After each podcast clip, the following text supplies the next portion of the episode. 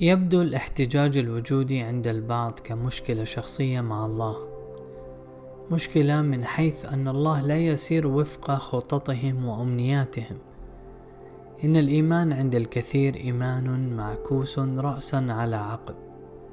فحينما يقول امرؤ ما أنه يعبد الله أو يؤمن به فإنه يتوقع من الله أن يطاوعه ضمنا في كل ما يتمنى ويريد. هكذا فجأة ينقلب الإله إلى مارد سحري لتلبية الطلبات حاشاه.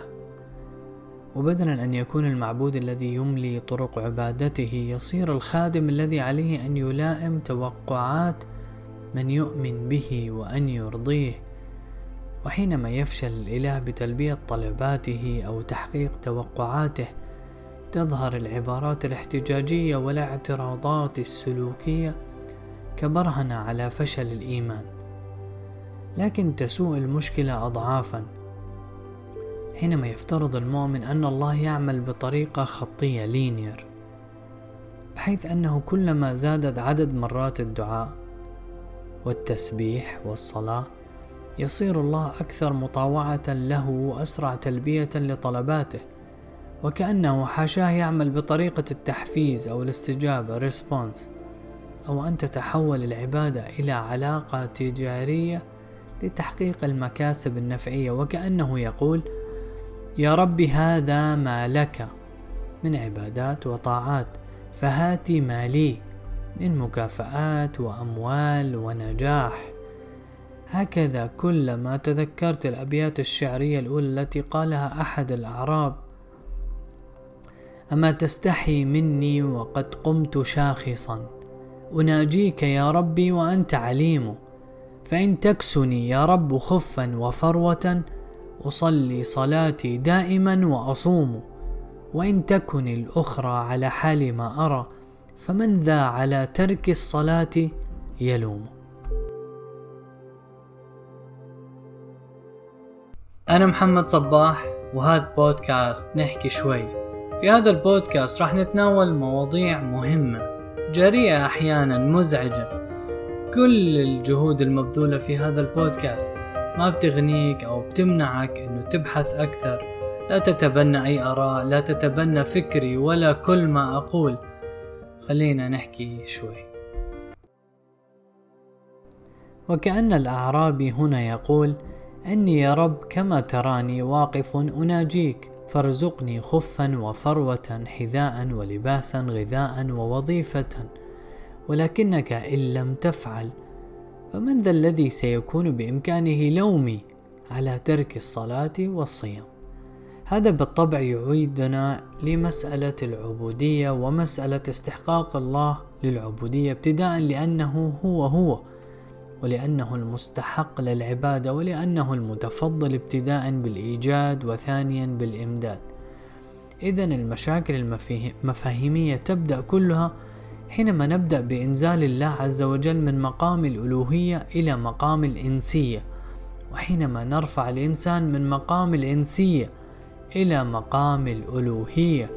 هذا الخلط البدهي يحدث كثيرا وبشكل لا واعي إننا نعتمد على الناس اعتمادنا على الإله ونتوقع من الله عز وجل ما نتوقعه من الناس. ومن الصحيح أن النصوص كثيرة وصحيحة وصريحة في أن للإيمان مكاسبه النفعية والدنيوية. وهذا مما لا أنكره ولا ينكره المقال ولا ينكره إلا غير مؤمن. ولكن مجال اللبس الذي أتحدث عنه ثلاثة أمور. أولا أن يكون هذا منطلق الإنسان في إيمانه. فإن كان كذلك فلعله شرك خفي. يعتمد فيه الإنسان على عبادته أو يعبد فيه الإنسان مكاسب إيمانه وليس الله عز وجل. وثانيا أن الإنسان يريد أن يحدد كيفية هذا المردود الدنيوي بالطريقة التي تناسب رغباته لا بالطريقة التي يريدها الله. ومكمن الخطأ هنا في هذه المسألة أمور عديدة منها أن الإنسان يتصور أنه يعرف ما يريده تماما ويعتقد أن الخير له في مسألته وهذا خطأ. إذ الإنسان محدود بقصوره الإدراكي ولطالما تثبت الأيام له بعد تحقق سؤاله وطلبه أنه كان ساذجا ومخطئا. وثالثا أن في وضع الإنسان لنفسه مكان الإله في افتراض أي الأدعية يجب أن تجاب وفي أن هذا المصير أو القضاء هو استجابة خير أو شر فعل تألي يبدو فيه وكأنه أفهم من الإله وأكثر حكمة وأقدر على تحديد الخير أو تحديد الصواب والخطأ. إن جوهر الإيمان الصبر، ومنزلة الصبر من الإيمان كمنزلة الرأس من الجسد، كما يقول الإمام علي: وجوهر الصبر عند العارفين أن نتحمل ما لا نفهم، وهكذا فإن الإيمان بطبعه تصديق لما هو غيبي بالأساس إنه ثقة بما لا نملك أن نبرهن على وجوده الحسي. إن الإيمان تسامي على ما هو مادي وهكذا فإن جوهر العبودية الرضا الغير مشروط والقبول بالمكروه بنفس الطريقة التي نقبل بها أو نقبل بها المرغوب.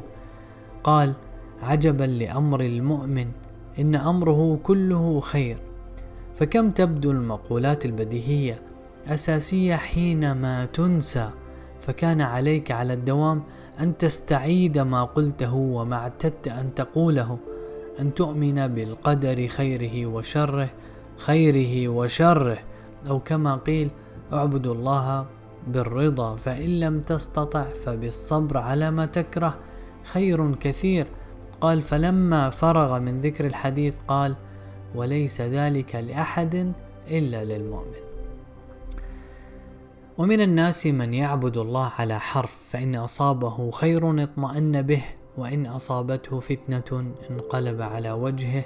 صدق الله العظيم. معنى على حرف عند المفسرين أي على شك؟ أي أن بعض الناس يعبدون الله على شك. ونزلت الآية في أعراب كانوا يقدمون إلى المدينة مهاجرين من باديتهم فيعلنون إسلامهم. فإن نالوا رخاء العيش والرزق الكثير بعد الهجرة والدخول في الإسلام استمروا في الإسلام. وإن تعرضوا لفاقة أو مصيبة بعد إسلامهم انقلبوا وارتدوا عن الإسلام. لكن الجميل أن كثيرا من أولئك الذين يعتبرون القرآن نص قصصي وتاريخي قديم يفعلون الأمر ذاته الذي يصفه القرآن.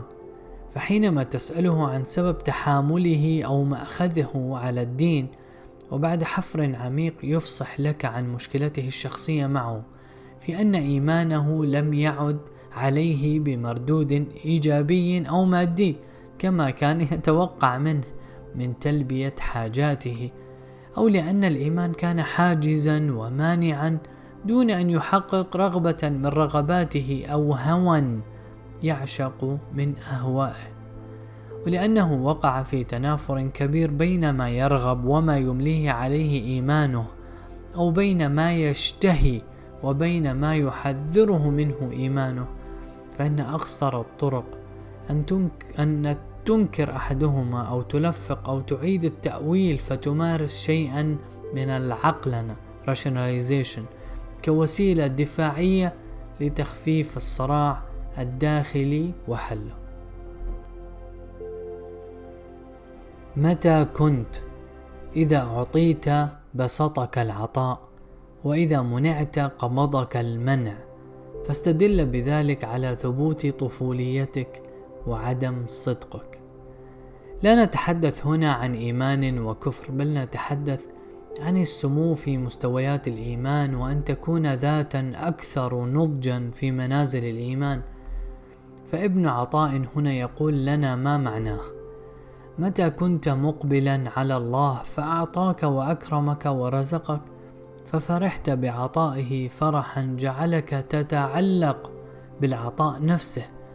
وأضف لهذا أنك متى حرمت أو ابتليت فخففت من إقبالك وأزعجك الحرمان والمنع فاستدل بهذا كله على طفوليتك. وصبيانيتك وعبادتك التجارية. هذا يذكرنا بالطبع بالقول المنسوب إلى الإمام علي في نهج البلاغة حينما قال إن قوما عبدوا الله رغبة فتلك عبادة التجار. وإن قوما عبدوا الله رهبة فتلك عبادة العبيد. وإن قوما عبدوا الله شكرا فتلك عبادة الأحرار. ولا شك أن هذا القول فيه نظر فعبادة الله رغبة ورهبة هو مطلب الله نفسه في قرآنه. وعبادة الله طمعا بعطاياه وخوفا من عقابه إنما هو من تبعات الإيمان ومقتضياته. وما أكدته النصوص والأحاديث وأدعية النبي الكريم صلى الله عليه وسلم. وهو أمر يتلائم بالطبع مع الفطرة البشرية ونفسية الإنسان وجاهزيته التكوينية الإدراكية عن طريق reward و punishment system. لكن ما يتحدث عنه الإمام علي هنا؟ مقام العبودية الذي يرتضيه المرء لنفسه. شيء من الارتقاء والسمو فتصور الإنسان لفلسفة العبادة أمر في غاية الأهمية. من يفهم فلسفة العبادة؟ يحسن التعبد فالعبادة فلسفة وسيختار كل عبد المقام الذي يرتضيه لنفسه فمن يحب لن يقبل بأقل من الحب مقاما ومن يحب يكره أن يبنى حبه على سبب لأن كل حب يبنى على سبب يزول بزوال السبب. ومن يتعلق بذات المحبوب يحبه لأنه هو هو لا لشيء سواه. وفيه قول رابع العدوية أحبك حبين حب الهوى وحبا لأنك أهل لا ذاك. ومن التطبيقات التي تعيننا على فهم كيف أن فلسفة العبادة تؤثر على كيفية التعبد ما ذكره الإمام أبو حامد الغزالي في إحيائه. باب أسرار الصوم. صوم العموم كف البطن والفرج عن قضاء الشهوة. والنوع الثاني صوم الخصوص كف السمع والبصر واللسان واليد والرجل وسائر الجوارح عن الآثام. والنوع الثالث صوم خصوص الخصوص هو صوم القلب عن الهضم الدنية والأفكار الدنيوية. وكف القلب عما سوى الله عز وجل. فموجز القول هنا لا يعيب المرء أن يعبد الله خوفا وطمعا ورغبة بتحسن أحواله وخوفا من سخطه وحرمانه بل هذا مطلب شرعي ومقتضى الإيمان وتصديق للأمر الإلهي لكن ألا يتوقف إيمان المرء على العطاء والحرمان وألا يفتر إحسانه بالحرمان.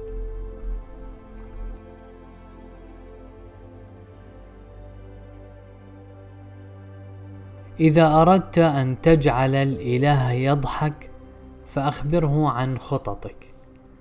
تظن نفسك تعرف ما تريد حقا ثم تبدي لك الأيام ما كنت تجهله. هكذا تأتي أحيانا على مفترق طرق من عمرك.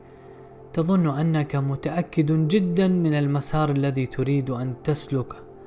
تدعو بحرارة تصلي وتقول هذه يا رب هذه فقط وستكون حياتي كلها بعد هذه على ما يرام.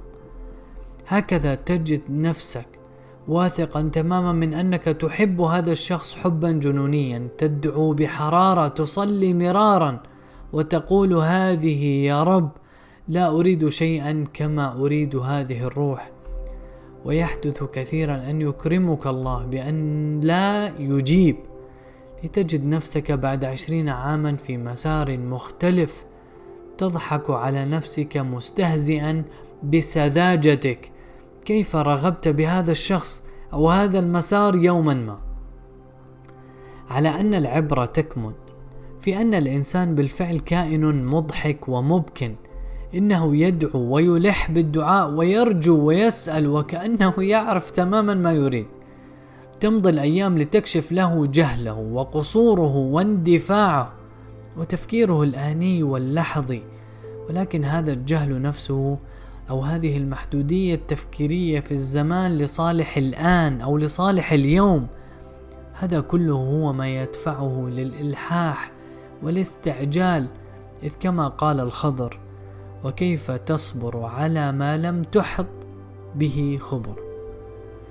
أذكر أن نيكوس كانزاتكس ذكر ذات مرة في أحد كتبه أن الصلاة عنده تقرير محارب إلى ربه. إنه تقرير محارب في هذه الحياة أن يا رب هذا ما أواجهه وهذا ما لدي من أسلحة. وهذا ما سأفعل فأعني على فعل الصواب. هذا يذكرني بأن العارفين من يسألون الله أمرين الإعانة على السعي ثم قبول السعي. فهم يسألون الله الإعانة على حسن السعي حسن النية حسن الفعل وأن يتقبل منهم فعلهم ولا يسألونه الوصول. أي أنهم لا يسألونه تحقق المكانة التي يرجون. وأفضل شرح لهذه الفكرة ما يذكره الإمام زروق الفاسي في كتابه قواعد التصوف من مقولة يرويها عن أبو العباس المرسي. من أراد الظهور فهو عبد الظهور ومن أراد الخفاء فهو عبد الخفاء.